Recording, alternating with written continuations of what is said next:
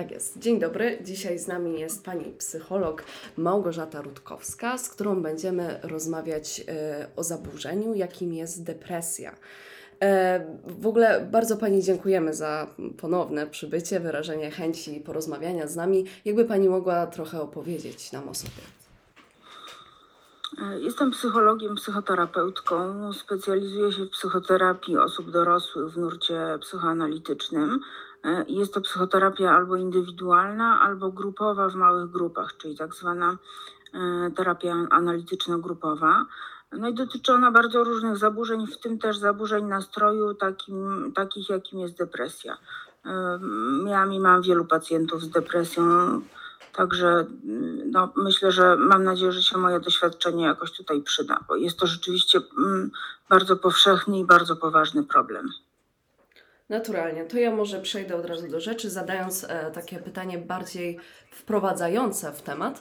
Mianowicie, co właściwie e, warto wiedzieć o depresji z perspektywy no, psychologa z, no, z, z ogromnym zapleczem, bo pani już chyba 10 lat jak nic jest w branży? No, więcej. Nawet więcej. No. E, Co warto wiedzieć o depresji? No na pewno warto wiedzieć, że to jest poważna choroba, że to nie jest e, chwilowa zmiana nastroju, że to nie jest mm, e, fanaberia, że to nie jest złudzenie. E, Tak jak się czasem myśli, że te choroby, które nie mają jakichś takich fizycznych manifestacji, czyli e, nie, nie, nie widać gołym okiem, że komuś czegoś brakuje, czy, czy coś w nim nie domaga, są tak samo poważne, mogą być też dużo bardziej poważne niż te, które y, są fizyczne i to fizycznie widać. A więc to nie jest y, to, że to dzieje się na poziomie psychiki, nie znaczy, że to jest coś mniej poważnego niż choroba y, taka jak astma, czy cukrzyca, czy y, choroby serca. Warto też wiedzieć, że jeśli nie wiadomo, czemu się coś pojawiło, albo pojawiło się znikąd nagle, czyli tak zwane samo przyszło, to nie znaczy, że samo pójdzie. To jest, to jest choroba, która sama nie przechodzi. To, to jest bardzo rzadkie, że, że ktoś no, miał stan, który można by ocenić jako depresyjny, e, nie brał leków, nie uczestniczył w psychoterapii i jakoś sobie z tym sam poradził.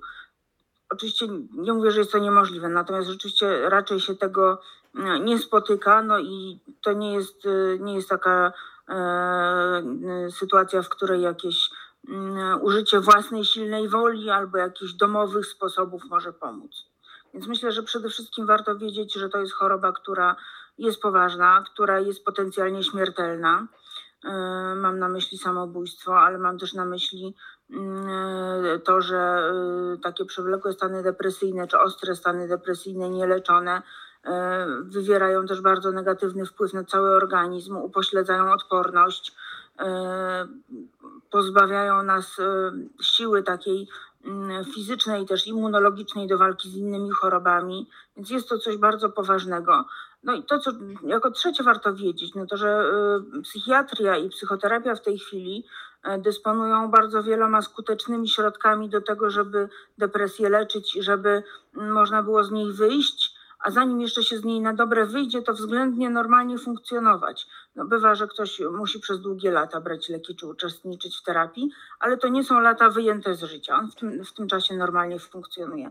Także mamy możliwości, żeby e, po- pomagać takim pacjentom, no tylko e, trzeba o tym wiedzieć i o taką pomoc się zwracać.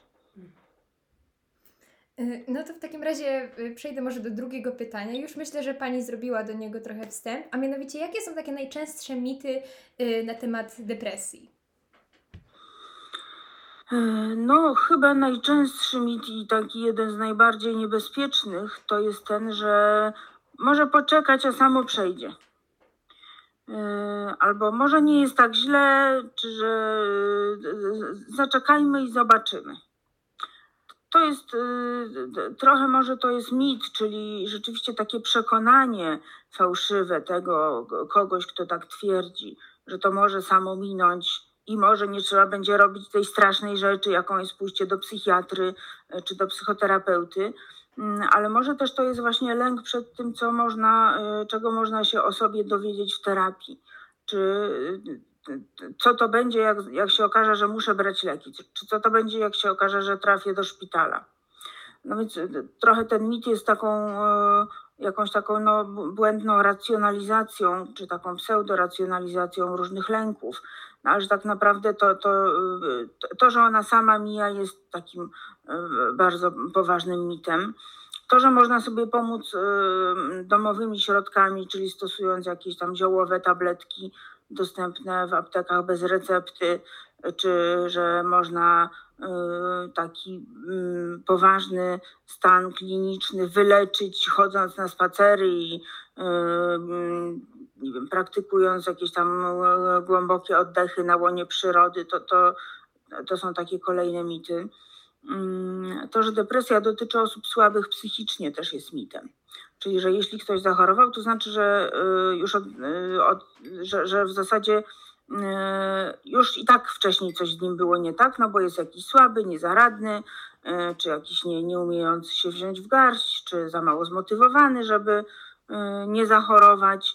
No tak jakby to rzeczywiście zależało od, od determinacji, czy od silnej woli, czy od jakichś takich czynników, na które mamy wpływ. Oczywiście na różne rzeczy możemy mieć wpływ, natomiast to nie jest tak, że jest to mm, e, źródłem jakiegoś defektu, który w nas jest, czy, czy właśnie y, tej jakiejś słabości, czy, czy ułomności psychicznej, czymkolwiek by ona nie była. Mhm. Myślę, że takim y, kolejnym y, częstym mitem to już na temat leczenia depresji jest to, że leki są w ogóle niebezpieczne. I że to jest bardzo niedobrze brać leki y, psychiatryczne, bo one zmieniają osobę, która, która je bierze w innego człowieka. Mm, Czyli trochę tak jakby mm, jakby no, Jakby instalują zupełnie nową osobowość. Mhm. E, y, że to będzie osoba, która, e, no, której nie poznamy, chociaż ją znaliśmy, bo się zrobiła zupełnie inna i to się nam nie podoba. No więc jakoś staramy się do tego nie dopuścić i, i odradzamy komuś branie leków, bo słuchaj, to cię tak zmieni, że to już lepiej mieć tą depresję. No wcale nie. To, jest, y, to są leki, które zmieniają różne rzeczy na poziomie biochemicznym. I oczywiście one wpływają też na zmiany w zachowaniu.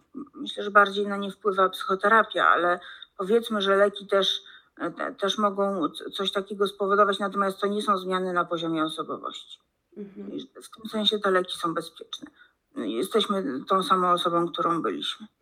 Dobrze, a to ja mam takie pytanie. e, sk- Skąd jakby zdanie, że tak naprawdę jakby terapia stricte może pomóc? Niekoniecznie tak, tak, tak, e, tak bardzo może pomóc e, jak, jak leki właśnie, że prędzej to jest e, psychoterapia by pomogła. Terapia pomaga inaczej niż leki, ale ten efekt może być podobny. Tylko to, y, no, to jest dość skomplikowana sprawa, bo też tak, no nie, przede wszystkim psychoterapia jest ciągle mniej dostępna niż leki. E, no, wymaga y, dłuższego czasu e, i większego zaangażowania. E, Jakby patrzeć z perspektywy terapii długoterminowej, E, to nawet jeśli leki byłyby brane długoterminowo, to jednak mam poczucie, że terapia wychodzi drożej. E, No więc to jakby jest y, tutaj, to, to jest to, co przemawiałoby na korzyść leków. E, No więc nie, nie, nie każdy może skorzystać z terapii, również w takim sensie, że to wymaga mm, pewnego rodzaju gotowości e, emocjonalnej, e, no pewnego poziomu intelektualnego też to wymaga. E, I no, są osoby, które tych różnych warunków związanych z psychoterapią nie spełniają, a i tak chorują, więc trzeba je jakoś leczyć. No to, to, są, to są osoby, którym się zaleca farmakoterapię, no i to naprawienie równowagi biochemicznej często pomaga. No, pytanie, czy to pomoże długoterminowo, e, i właściwie nikt nie zna odpowiedzi na to pytanie, bo czasem tak, a czasem niekoniecznie. E, Dużo bardziej skuteczna długoterminowo jest psychoterapia.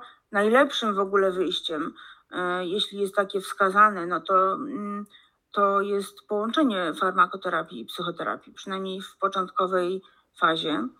Mm, No ale y, chodzi o to, żeby nie proponować terapii komuś, kto zdecydowanie powinien brać leki, tylko dlatego, że on się tych leków boi, czy że stygmatyzacja leczeniem psychiatrycznym, czy psychotropami, czy psychiatrą jest tak duża, że już lepiej pójść do no też jakoś tam źle się kojarzącego może, ale bezpieczniej psychoterapeuty. Okej. Jest to takie typowe pytanie e, podczas poruszania właśnie tematyki zaburzeń, ale jakie są właściwie najczęstsze czynniki wywołujące depresję? Mm.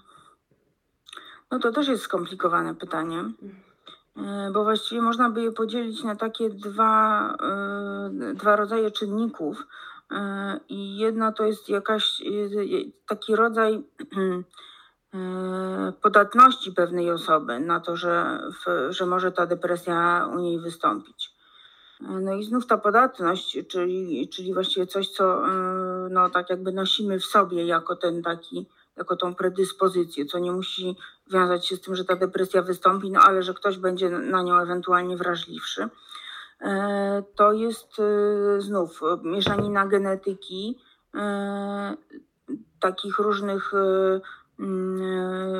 biologicznych czynników, mniej lub bardziej zbadanych, ale odziedziczalnych, biologicznych czynników nieodziedziczalnych, czyli takich, które mogły jakoś tam wpłynąć na organizm i rozregulować go, ale przez coś, co się stało w trakcie życia. No i to jest to, co z perspektywy psychoterapii jest takie mniej ważne i mniej ciekawe.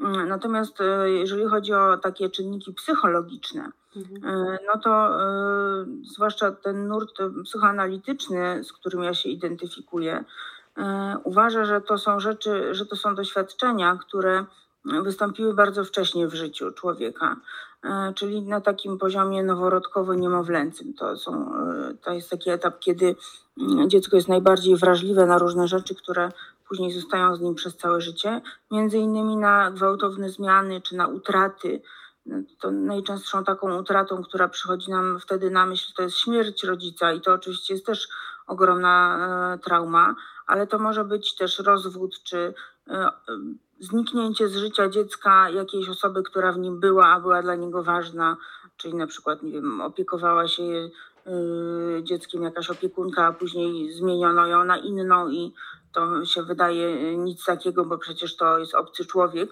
Mogą tak myśleć rodzice, którzy tej zmiany dokonują. No a dla dziecka to jest, to jest taka gigantyczna zmiana, właściwie mm, wywrócenie całego świata i przede wszystkim przerwanie więzi. Przerwanie więzi jest bardzo szkodliwe yy, i bardzo takie później no, wpływające na to, że łatwo się udepresyjnić. No bo y, pewien rodzaj takiej równowagi psychicznej i też zdolności do tego, żeby jakieś nastroje wytrzymywać, żeby napięcia, frustracje wytrzymywać, żeby w razie niepokoju samemu się uspokoić, to dziecko nabywa, kiedy jest w stanie takiej bezpiecznej więzi z, z w miarę spokojnym też i takim zrównoważonym emocjonalnie dorosłym. Mhm. Kiedy ten dorosły no, znika na skutek traumy albo coś takiego się dzieje, że on jest bardziej skupiony na własnych przeżyciach i tak się zajmuje tym dzieckiem trochę mechanicznie i nie widzi jakichś jego uczuć, czy, czy nie, nie bardzo reaguje na takie komunikaty, które to dziecko usiłuje przekazać. Mówię o takim bardzo małym dziecku, które nie mówi. E, No to rzeczywiście też jest to jakiś taki rodzaj tej więzi zachwianej, czyli to dziecko właściwie pozostaje ze swoimi uczuciami samo. Więc to wtedy też jest taka sytuacja, która może później uwrażliwić dziecko już, y, kiedy ono już jest dorosłe, na, y, na stany depresyjne. Tak jakby ono nie miało wystarczająco dużo tej równowagi takiej emocjonalno mm, neurologicznej tak naprawdę, bo i te doświadczenia, i psychoterapia, i takie rzeczy, które nam się kojarzą tylko i wyłącznie z psychologią, czyli z czymś takim nieuchwytnym, one też mają bardzo duży wpływ na mózg i na funkcjonowanie różnych struktur mózgowych. Między innymi dlatego właśnie psychoterapia jest taka skuteczna, że e, również długoterminowo, że ona zmienia funkcjonowanie mózgu. Bo ona zmienia też ym, czasami wielkość różnych struktur mózgowych, czy ich aktywność. No i to z, z pacjentem już zostaje nawet potem, kiedy on już tą psychoterapię e, zakończy. E, Więc no to mm, wracając jakoś do tych przyczyn, no to ta grupa przyczyn to byłaby, mm, to byłyby no z punktu widzenia, widzenia psychoterapii doświadczenia. Mm, Ale też e, zawsze e, jest jakiś czynnik, który tą, ten stan depresyjny wywołał. czynnik czy czynniki. I najczęściej z, tą, skarżąc się na depresję, pacjent przychodzi w jakimś momencie swojego życia, kiedy na przykład y, powtórzyło mu się to, co było takie straszne e, we wczesnym dzieciństwie, czyli doznał jakiejś ważnej utraty. Mm, Albo y, dzieje się tyle niekorzystnych rzeczy w jego życiu, że jest przeciążony i właściwie już na takim poziomie też fizycznym nie daje sobie organizm rady z tym, e, z, tym całym napięciem i no, jakaś funkcja czy, czy, czy jakiś organ, można powiedzieć, że, że tutaj psychika też jest jakiegoś rodzaju organem, no jest ten najsłabszy organ musi ucierpieć i, i, i y, między innymi tak się to może zamanifestować poprzez te stany depresyjne. Y, No czasami jest też tak, że reagujemy y, stanami depresyjnymi, niekoniecznie w, takim pełnoobjawowym, klinicznym sensie, takim, które jakoś, y, które jakoś by mm, sugerowało, że koniecznie trzeba leczyć.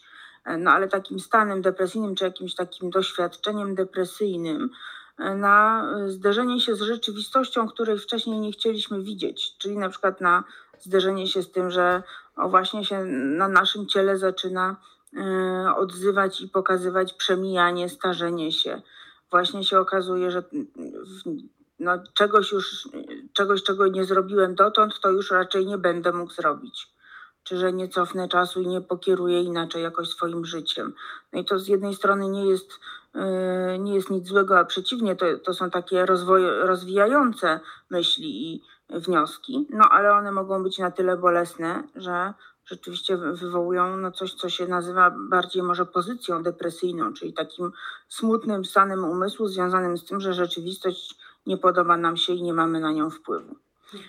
E, Raczej, yy, yy, jeżeli mm, taka osoba nie ma jakoś e, specjalnie problemów na poziomie osobowościowym, to z tej pozycji depresyjnej wychodzi z takim e, wnioskiem, no trudno, no, takie już jest życie, no to ja się może zajmę tym, co, co na co mam wpływ, albo czymś takim, co mnie nie przygnębia, tylko mm, co mnie będzie cieszyło czy rozwijało. No a zdarza się, że to jest też takie boleśnie raniące i nie do przeżycia, i że wtedy na tle, na tle takiej mm, niezgody na to, co jest e, realnością, taką nie do zmiany, właśnie pojawia się e, już ta kliniczna forma depresji. Mhm.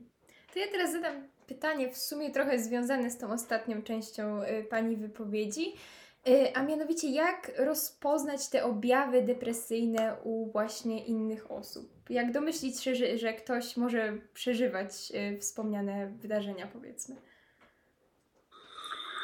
E, No domyślić się to może być trochę trudno e, i Zauważyć. najłatwiej to na pewno pytać i rozmawiać. Znaczy pytać o nastrój, pytać o, o to, jak, jak komuś się żyje, Mm, no ale też jeśli chodzi o obserwacje, to przede wszystkim to, co mogłoby nas zaniepokoić, to taka gwałtowna zmiana w, w danej osobie.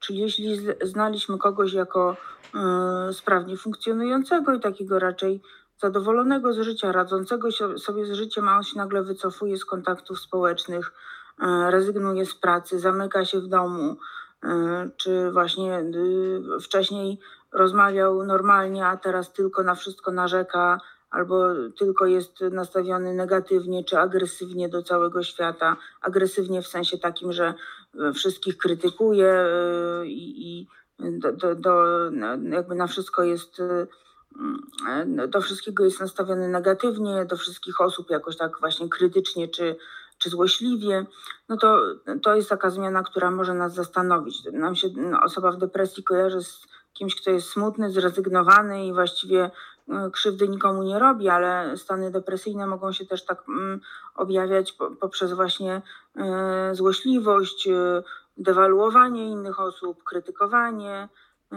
odtrącanie, mogą być takie całkiem bolesne dla otoczenia.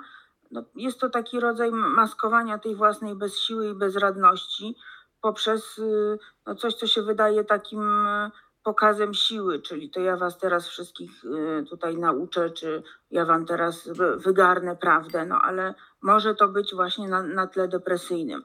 Także no, to, to co, co tam się tak naprawdę dzieje w tym człowieku pod jego zachowaniem, to już jest do takiej poważniejszej diagnozy psychologicznej czy psychiatrycznej, y, ale to, co jakoś może na, nas zaniepokoić, czy, czy mogłaby zwrócić naszą uwagę, no to jest właśnie ta gwałtowna zmiana. No i oczywiście są też te takie, mm, te takie klasyczne objawy, czyli właśnie smutek, rezygnacja, yy, znikanie z czegoś, co, co dotąd sprawiało tej osobie przyjemność, wycofywanie się z, z grupy rówieśniczej, z kontaktów towarzyskich, czy różne takie mm, no, słowa na temat tego, że nie warto żyć, yy, że życie jest bez sensu, że lepiej, żeby mnie tu nie było, bo tylko jestem dla was kłopotem nie rozumiem, jak możecie mnie lubić. No, to, to są wszystko takie e, rzeczy, które wskazują na to, że możemy mieć do czynienia z depresją. Mhm. Nasuwa się od razu takie pytanie, przynajmniej mi, bo dla mnie to nie jest e, oczywiste. E, jak rozpoznać u siebie e, objawy depresji? Bo niekoniecznie, teoretycznie no, dana osoba może mieć e, umiejętność albo po prostu jakieś takie predyspozycje do rozpoznawania jakichś e, wahań nastroju u innych. Faktycznie widzi, jest to widoczne, ale niekoniecznie rozumie na, na tyle siebie, żeby stwierdzić coś takiego, że hola, coś jest nie tak. Mhm. Więc no stąd to pytanie. No, u samych siebie też mogłaby nas zaniepokoić taka duża zmiana na minus, czyli utrata siły, utrata chęci uczestniczenia w czymś, co było ważne, No, utrata zainteresowań, e, apatia, czyli takie nic nie robienie na zasadzie nic mnie nie cieszy, nic mnie nie interesuje, e, właściwie nie ma sensu, nie wiem, robić różnych rzeczy z innymi, czy takich rzeczy, które wymagają wysiłku, to może najlepiej usiąść przed telewizorem i tak oglądać, jak leci wszystko, co tam e, pokazują, ale też bez specjalnego zaangażowania. Taki e, rodzaj jakiegoś takiego no, apatycznego, obojętnego stosunku do rzeczywistości. To taka jedna rzecz. No, ten smutek, y, żal, jakaś taka. y, No i, i to wszystko, co jest jeszcze bardziej, jeszcze głębsze i takie silniejsze, czyli jakieś rodzaje takiego, takiej rezygnacji, rozpaczy czy desperacji, no to, to są takie silne uczucia, które rzeczywiście chyba mogłyby nie pozostawiać wątpliwości co do tego, że coś się z nami dzieje w kierunku depresyjnym. Chociaż to też nie, nie, nie zawsze się tak, yy, tak łatwo u siebie rozpoznaje. Yy, Myślę, że też może tutaj brak siły być yy, takim dobrym wskaźnikiem, czyli coś robiliśmy i na to wszystko nam wystarczało siły i była z tego energia i był z tego, była z tego przyjemność, a teraz wszystko się nam wydaje strasznie trudne. Pójście do pracy jest jakimś potwornym wysiłkiem. Zrobienie takich podstawowych rzeczy wokół siebie, jak umycie się, ubranie, pójście na zakupy, no wydaje się czymś tak kondycyjnie dla nas nieosiągalnym, że nawet się za to nie zabieramy. Mhm. Nadmierna senność jest też takim e, wskaźnikiem, e, może być takim wskaźnikiem depresji. E, Może być też kłopot z zaśnięciem.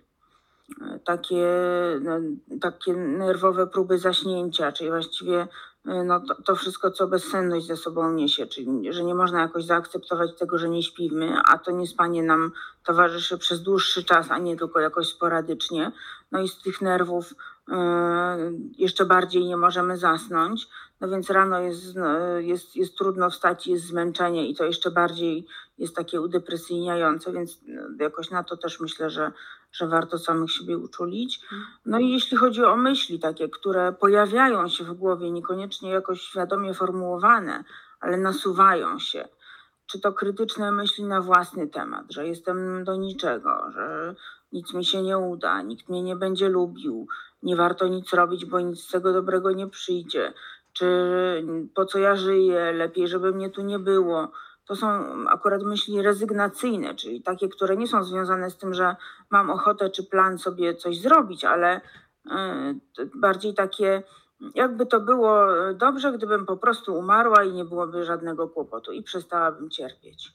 E, No więc to jest, to jest taki e, bardzo charakterystyczny objaw depresyjny. Jeśli się pojawiają myśli samobójcze, czyli takie, to ja może sobie coś zrobię, bo, e, bo, bo to będzie lepsze rozwiązanie niż się tu męczyć. I, i, wszystko, co jest jeszcze bardziej niebezpieczne, czyli już jakaś za- zastanawianie się nad wyborem formy, czy nad jakimś momentem dobrym, czy nad narzędziem e, tego samobójstwa, no to wtedy to jest taki stan, że natychmiast trzeba się zgłosić po pomoc lekarską. To jeśli nie ma e, innej możliwości tego, żeby mm, sobie to zapewnić szybko, to najlepiej pojechać po prostu na izbę przyjęć e, oddziału psy- psychiatrycznego.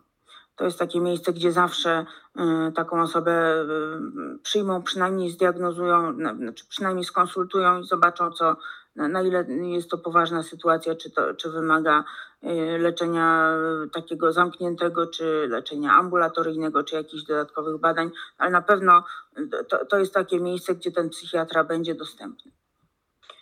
Więc no, u siebie to, to zwracajmy uwagę na to, co myślimy. Mhm. E, No to takim razie, y, jakie są takie najczęstsze sposoby leczenia depresji? Już myślę, że zrobiła pani, pani do tego wstęp wcześniej, ale tak jakbyśmy jeszcze mogły prosić o rozwinięcie trochę. Mm, No, z tych takich najbardziej klasycznych to są te, które można mm, podzielić na takie lekarskie, mm, e, no, czyli prze, przeważnie i głównie wciąż jeszcze farmakoterapia, czyli leczenie z użyciem substancji zarejestrowanych jako leki.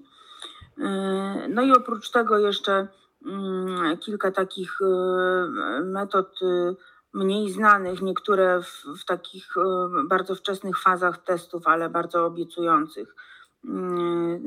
Takie związane z oddziaływaniem mm, fal elektromagnetycznych przez czaszkowo na mózg, czy elektrowstrząsy, które brzmią może bardzo dramatycznie, ale są taką nie- nieszkodliwą i bezbolesną metodą y, leczenia depresji w narkozie y, prowadzoną na oddziałach i to daje bardzo dobre rezultaty, kiedy y, te leki przeciwdepresyjne się nie sprawdzają.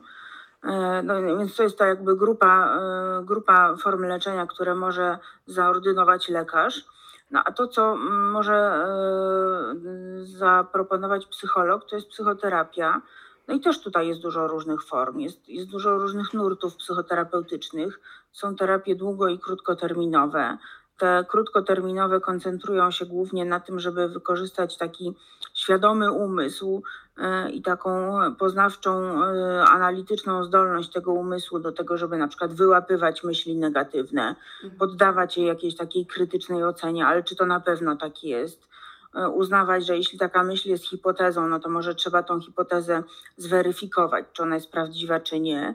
No i na przykład najczęściej one się okazują nieprawdziwe, te hipotezy. No to jeśli to jest nieprawda, no to sobie teraz to jakoś zakonotujmy w umyśle, że to jest nieprawda i żeby siebie już tym nie oszukiwać. To jest takie użycie no, świadomości do tego, żeby się. Mhm. Yy, oczywiście to e, mówię tylko o, takim jednym z Tak, bardzo tutaj- wielu aspektów, tutaj jakich e, przerwę. terapię Y, używają. To jest forma terapii poznawczo-behawioralnej? Tak, że- to jest dokładnie taka metoda poznawcza yy, należąca do, do terapii poznawczo-behawioralnych, czyli takie wychwytywanie i yy, rozbrajanie myśli automatycznych. Mm, yy, I to, to jest jakby taki przykładowy kawałek terapii krótkoterminowej. Natomiast terapie długoterminowe, czyli te analityczne czy psychoanalityczne, mm, koncentrują się na tym, żeby dotrzeć do tego, co jest nieświadome bo trochę inne jest to założenie, te- co, głównie determinuje zjawiska mm, psychologiczne i psychopatologiczne w człowieku. No i y, z, z perspektywy tych e, nurtów psychoanalitycznych e, zakładamy, że jednak jest to nieświadomość. I że mm, jeśli coś jest nieświadome i nami kieruje, albo nam jakoś psuje zdrowie, no to tutaj leczące byłoby uświadomienie sobie tego, e, odkrycie tego, tych mechanizmów, e, zobaczenie skąd one się wzięły, czego są może powtórzeniem, czy czego są skutkiem, czy czego są jakimś zniekształceniem. No tutaj bardzo różne rzeczy się mogą dziać. Albo e, czy są może mechanizmem obronnym, który się kiedyś bardzo dobrze sprawdzał, bo przed czymś chronił, a potem w ogóle mm, już przestał chronić, bo nie było przed czym e, i tylko szkodzi zamiast pomagać. No ale to, e, to, to już też taka mm, dość powiedzmy mm, poznawcza praca na tym nieświadomym. Natomiast y, taka najważniejsza praca jest, y, polega na tym, żeby to nieświadome odkryć. Mhm. No i uświadomienie sobie tego, zrozumienie, ale też jakoś przeżycie tych różnych rzeczy, które gdzieś tam zawiadują nieświadomością i, mm, i się w niej kłębią, a na, na które jakoś nie mamy miejsca czy przyzwolenia, czy w ogóle nie mieszczą nam się w głowie w, w tym świadomym rozumieniu, no to, to są właśnie te metody psychoanalityczne. E, No i one, y, i to też jest skuteczne. Znaczy to, ta skuteczność terapii mm, jednych i drugich y, na tyle, na ile można ją rzeczywiście zbadać, jest podobna.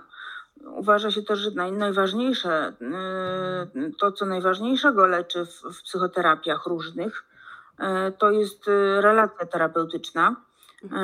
I że z, z tą relacją chodzi o to, żeby to rzeczywiście była osoba, do której mamy zaufanie i do której czujemy się jakoś dobrze dobrani jako pacjent. I żeby coś tutaj grało. I że wtedy jest y, może mniej ważne, czy ten terapeuta stosuje takie czy inne metody, ale że samo to bycie razem jest y, i, i pracowanie nad czymś razem jest takie bardzo terapeutyczne. To, to, powiedziałam o terapiach indywidualnych, ale y, właściwie może też powiem trochę o grupie, Mhm. y, o takich rodzajach grup, które ja prowadzę. Te małe grupy analityczne, mm, no też, no, jak sama nazwa wskazuje, one też, też tam chodzi o to, żeby wydobyć coś nieświadomego, tylko przy udziale grupy. Y, Grupa, y, w grupie y, dynamika ma takie różne mm, swoje ciekawe właściwości, na przykład to, co mm, jeden z pacjentów przynosi jako swoje nieświadome i czego w ogóle nie mówi, bo on nie, ma, nie może tego powiedzieć, bo w ogóle o tym nie ma pojęcia, no to, to na przykład przychodzi do głowy innej osobie. Jeśli ona to powie, to mm, bardzo często grupa gdzieś tam rozważając y, te tematy może dojść do wniosku, że to jest właśnie ten, ten kawałek, którego ktoś nie powiedział, bo nie wiedział, ale to może właśnie jest to, co gdzieś tam się przyczynia do jego choroby czy problemów. Czyli trochę, trochę jest to coś takiego jak mm, taka, t- takie mm, odzywanie się części umysłu, właśnie tych nieświadomych części umysłu pewnej osoby w innych osobach. Znaczy, że one jakoś mogą wyczuć to, czego ten ktoś, sam ten ktoś, kto, mm, kto mówi o swoim problemie, w ogóle nie wyczuwa, ale że jakoś to ze wszystkiego, co on wprowadza w, w sensie takiego klimatu e, psychicznego i emocjonalnego do grupy, z tego wszystkiego to jakoś grupa jest w stanie wyłowić. No, można też powiedzieć, że grupa ma taki swój własny umysł i że e, to, co grupa mówi, też ma, e, jeśli na to popatrzymy jako na taki ciąg narracyjny, też ma to swoją taką, swoje nieświadome warstwy. I to obserwowanie, co się w grupie dzieje nieświadomego, trochę bez, bez przyglądania się, jak to się ma do poszczególnych osób i do ich historii, przynajmniej na początku, to ta nieświadomość grupowa, kiedy jest zinterpretowana, to też jest bardzo lecząca i bardzo dużo może różnym osobom wyjaśnić o nich samych. Więc tutaj, tutaj też no, bardzo dużo z mojego punktu widzenia ciekawych, a z punktu widzenia pacjentów leczących rzeczy się dzieje, Mhm. również jeżeli chodzi o mm, stany depresyjne. A dużo Także osób... mamy ten arsenał, arsenał y, środków walki z depresją całkiem spory. Właśnie, właśnie widzimy. E, A dużo osób e, jakby decyduje się na taką w sumie całkiem, całkiem specyficzną formie terapii i jaką jest właśnie terapia grupowa. To jest trochę wychodzenie też spoza Mhm. naszej własnej strefy komfortu jednak. Właśnie dla jakich osób ona jest przeznaczona, tak y, z charakteru na przykład? Są jakieś takie mm, cechy? No właśnie chyba nie. To znaczy to y, te grupy, y, w tej chwili ta, ta metoda, no może nie w Polsce, chociaż i tak y, bardziej niż kiedyś, ale w wielu krajach europejskich jest taką metodą właściwie no, pierwszą, którą zalecają jako metodę psychoterapii towarzyszącą farmakoterapii. E, I jest bardzo taka skuteczna i chyba bardziej doceniana niż w Polsce. Mhm. Mm, Myślę sobie, że tak, bo te grupy są, e, to są grupy tak zwane heterogenne, czyli złożone z pacjentów z różną problematyką. Czyli to, to nie jest tak, że, e, że mamy grupę analityczną dla pacjentów z depresją. Myślę, że ona by źle funkcjonowała, że jednak, żeby ten umysł grupy się ukształtował na takim mm, dobrym poziomie i był wystarczająco zróżnicowany, to jednak musi być ta, to zróżnicowanie. e, problematyki osób. Czyli trochę jest tak, że mm, to, z czym jeden ma problem, to drugiemu e, raczej może przychodzić łatwo, żeby to się jakoś w sumie wszystko zadziałało. Mhm. Więc dla kogo taka grupa jest, y, no to można powiedzieć, że właśnie dla osób z problemami depresyjnymi, z problemami lękowymi, z zaburzeniami odżywiania, zwłaszcza jeżeli to są takie zaburzenia e, raczej z grupy bulimii niż anoreksji, czy jakiegoś napadowego obiadania się, czy mm, że, że jakiś w ogóle mm, mm, taka problematyka jedzenia emocjonalnego. E, To są też grupy dla osób, które mają problem z więzią, to znaczy jakoś czują e, taką nadmierną więź, e, mają, może inaczej powiem, mają problemy separacyjne. Czyli to są najczęściej młodzi, a czasami wcale nie tacy młodzi dorośli, którzy jakoś nie mogą zacząć skutecznie sobie własnego życia układać po swojemu, bo się czują bardzo związani z rodzicami, albo się czują bardzo trzymani przez tych rodziców w roli dzieci, albo czują, że jakoś zupełnie nie mogą tych rodziców opuścić, bo to oni, bo to, to, y, to oni, czyli ci potencjalni pacjenci, matkują tym swoim starym rodzicom i w związku z tym już nie mogą nic innego robić w życiu. Mhm. No więc tutaj to jest taka, e, to jest to, co nazywamy problematyką separacyjną, czyli, czyli że, że właściwie nie można się odseparować, czyli wykonać tego naturalnego kroku w swoje życie z, z, tego domu e, rodzicielskiego, z rodziny pochodzenia. No i grupa jest świetną metodą dla takich osób, tego rodzaju grupa. Mm, Myślę, dla kogo jeszcze? Mm, Dla osób, które y, mają kłopoty ze stawianiem granic.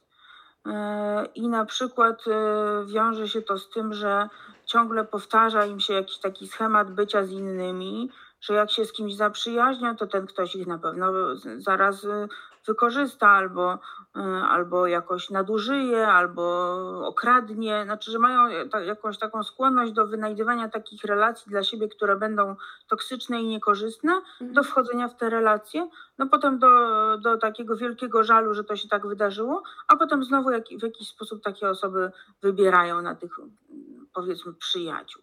Grupa bardzo y, jakoś fajnie i, dość szybko potrafi takim osobom pokazać, dlaczego one tak robią. One same mogą kompletnie nie mieć o tym pojęcia i raczej uważać, że mają pecha. Więc to, to są takie e, bardzo różne typy mm, problematyki, w, mm, w których można e, to leczenie grupowe zastosować. No i to bardzo zależy też od, mm, od takiej indywidualnej gotowości do otworzenia się. E, Tutaj akurat ona nie jest taka wymagana z marszu, to znaczy te grupy analityczne działają w ten sposób, że to jest swobodna dyskusja, czyli właściwie no mówimy, e, mówimy wtedy, kiedy chcemy i to, co chcemy. Pewnie jakby się ktoś bardzo długo nie odzywał, no to w sensie, nie wiem, całymi tygodniami, no to by się grupa zaczęła domagać, żeby jednak coś powiedział i tak by go próbowała jakoś z tego stanu wyrwać.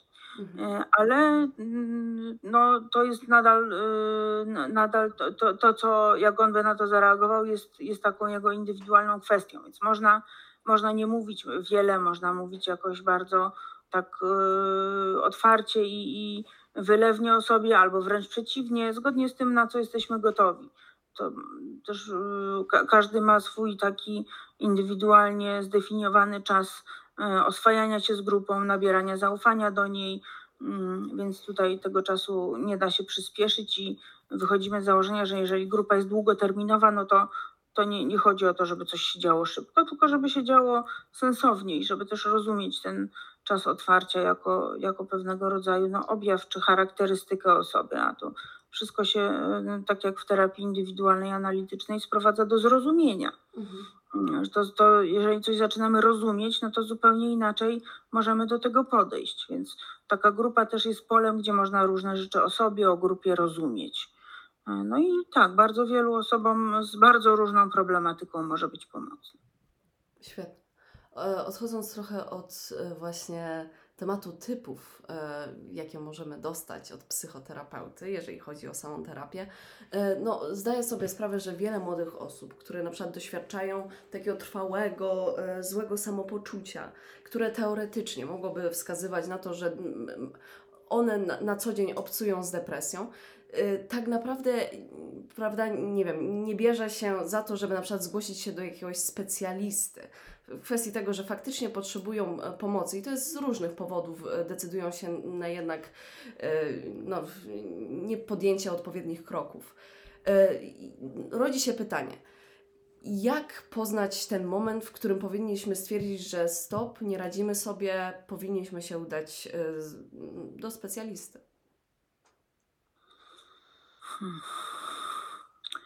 No, to jest dobre pytanie, jak poznać ten moment. Hmm.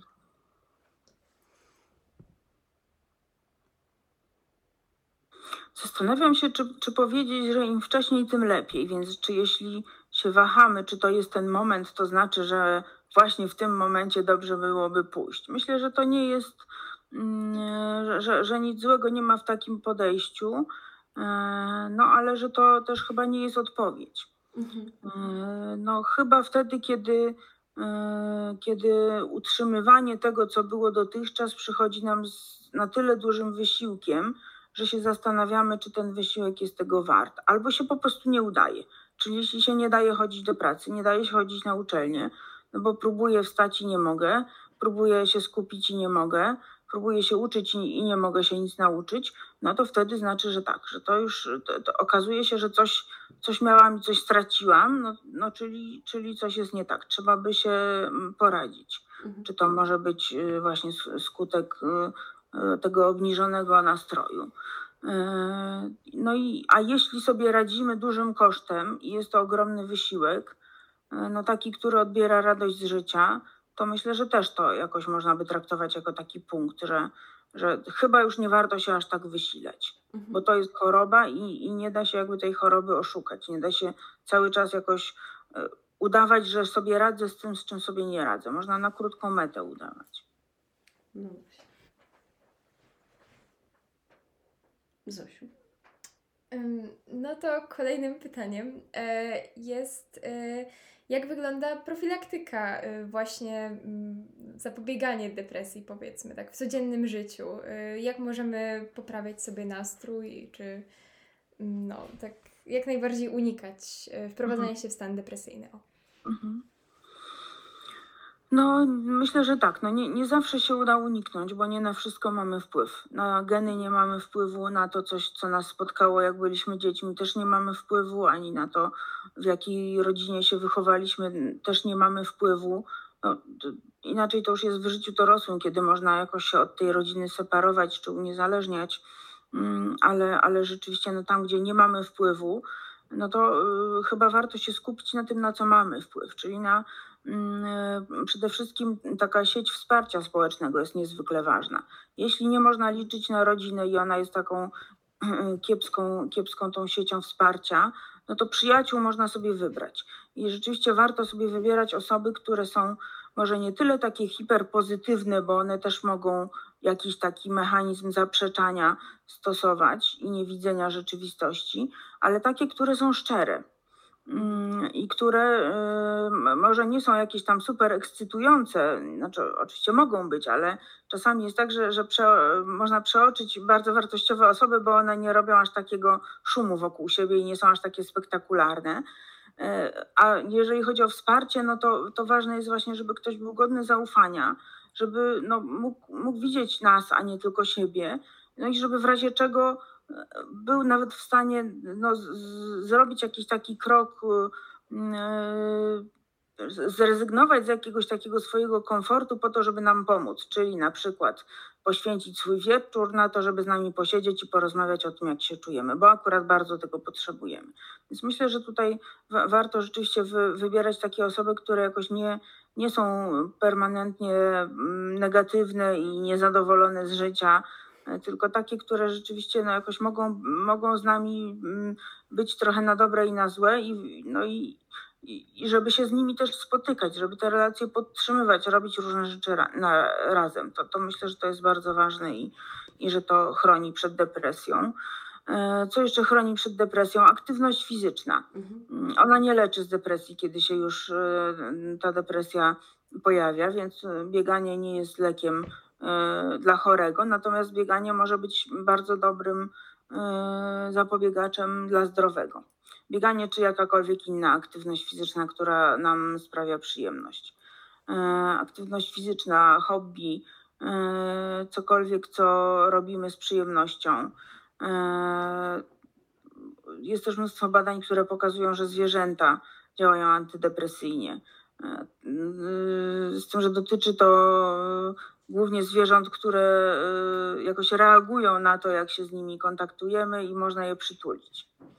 Mm, Czyli no nie jestem pewna, czy skorpion, ale już na przykład pies czy kot na pewno. Panda na przykład, Tak. teoretycznie panda. E, tak. Już w sumie takim kończącym pytaniem, e, które chciałybyśmy tutaj zadać, e, jest pytanie, czego właściwie najlepiej nie mówić e, osobom, które na co dzień obc- obcują z depresją.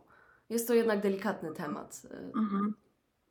Czego nie mówić takiemu komuś, kto podejrzewamy, że jest, że jest depresyjny, w sensie, że, że, że coś mhm. że, Tak. że ma jakiś problem ze swoim nastrojem. E, No to myślę, że, że e, przede wszystkim jakoś nie krytykować za to. Czyli nie, nie, taka krytyka no, czasami jest wypowiadana w dobrej wierze e, i czasami jest za nią takie założenie ukryte, że jak, jak kogoś skrytykuje czy wyśmieje, to tak go wezmę na ambicje i on wtedy coś ze sobą zrobi. No to przy, oso- przy osobach depresyjnych to nie działa. Czyli no myślę, że nie, nie czepiać się, że dlaczego ktoś, e, nie wiem, jest słaby, czy zmęczony, czy, czy smutny, e, czy nie, mm, nie dawać jakichś takich y, porad na zasadzie e, jakichś takich konkretnych wskazówek, które miałyby komuś pomóc, no tylko, że gdyby on mógł to zrobić, to by już dawno to zrobił, czyli, na czyli no znajdź sobie coś fa- fajnego do, do roboty. No gdyby, gdyby mógł sobie znaleźć, to by sobie znalazł. Czy po- poczytaj jakieś tam motywacyjne poradniki, to na pewno ci się humor poprawi. No, gdyby te poradniki tak pomagały, to już nikt by nie miał depresji. E, Myślę, że e, ważne jest, e, je- jeżeli chodzi o to, co, co mówimy takim osobom, no to żeby z taką dość dużą otwartością powiedzieć, że to one mogą, że to ta osoba e, depresyjna może nam powiedzieć o sobie, co chce Mhm. żeby opowiedziała, jak się czuje, żeby wiedziała, że może zadzwonić, kiedy będzie się czuła gorzej, E, no, żeby jakoś mogła się poczuć nieoceniana i rozumiana. Jeśli mamy jakieś takie swoje doświadczenia, no to też warto się nimi podzielić, ale może nie z takim jakimś dydaktycznym e, zacięciem, że ty na pewno będziesz mieć tak jak ja, więc ja zrobiłam to i to, to ty musisz zrobić to samo Mhm. to, to nie. Natomiast na pewno warto, warto jakoś, y, y, no, je- jeśli już rzeczywiście tam jest mowa o, o depresji, czy o takim bardzo silnym smutku, czy o czymś, co może się, może sugerować, że chodzi o zaburzenie nastroju, czy jakieś inne, no to mówić, że na to są sposoby. Jest, sposobem jest psychoterapia, jest sposobem jest, y, jest, y, mm, no są sposoby, które ma psychiatria. Więc, że warto pójść do psychoterapeuty albo do psychiatry. To nie jest takie ważne, do kogo się pójdzie jeżeli to jest rzeczywiście dobry specjalista, no to on będzie wiedział, kiedy sam ma pomóc, a kiedy ma odesłać do tego drugiego. Więc tutaj pacjent nie musi mieć aż takiego rozeznania, żeby wybrać, do kogo się udać. Mhm. Ważne, żeby pójść rzeczywiście do kogoś, kto się tym zajmuje i, i, i no, już pokieruje co dalej. No i zdecydowanie nie mówić tego, co, co chyba już wiadomo mm, powszechnie, że się tego nie mówi, czyli nie, nie mówić o braniu się w garść, nie mówić o tym, że, że y, nie, ty tak naprawdę to sobie tylko wmawiasz, albo weź się mocno postaraj i ci ta, ta depresja zniknie, albo dzieci w Afryce mają gorzej, więc przestań narzekać, albo to weź zacznij pomagać innym, to od razu zobaczysz, że, że tobie nie jest tak źle. No takie różne, różne banały, które może nie są całkiem pozbawione racji tak obiektywnie, no bo może i to dziecko w, Afry- w Afryce ma, ma gorzej, Mhm. jakieś konkretne, y, ale to nie ma nic wspólnego z tym, jak się czuje osoba, do której mówimy. Tak. Więc y, to, to jakoś nie tędy droga. No i rzeczywiście to odwoływanie się do racjonalności w momencie, kiedy ktoś jest w takim stanie, że ledwo żyje tego swojego smutku, myślę, że będzie bezowocne. No, na, na pewno warto, jeżeli jakimś optymizmem zarażać, no to nie na zasadzie zobacz, świeci słońce, jutro będzie lepiej, y, tylko że y, są, y, są metody, żeby sobie pomóc. Jest psychoterapia, jest farmakoterapia, E, Są różne grupy wsparcia dla osób, które się leczą czy leczyły, ale nie zastępujące terapii, tylko takie towarzyszące. No więc, że, że zawsze jakoś z tego też można skorzystać. No jeśli mamy kontakt do kogoś zaufanego, e, czyli do, do jakiegoś takiego specjalisty, no to możemy ten kontakt przekazać albo możemy zaproponować tej osobie, że, go, że ją umówimy, e, czy że z nią pojedziemy, jak ona już ma takie straszne opory czy lęki, że ją zawieziemy na tą wizytę i poczekamy pod drzwiami. No czasami to jest też pomocne, bo nawet logistycznie dla kogoś, kto jest w depresji, trudno jest coś takiego zaplanować i, i taką podróż odbyć. Także to jest to, jest to co, co można i warto mówić. Naturalnie. Mhm. No więc bardzo dziękujemy za ten wywiad. y, Dziękujemy za ponowną chęć rozmowy i y, mam nadzieję, że y, nasi widzowie też y, wynieśli z tego wywiadu tyle informacji, co my. Dziękuję. Dokładnie. Dziękuję. Dziękujemy Ja- bardzo. Dobra.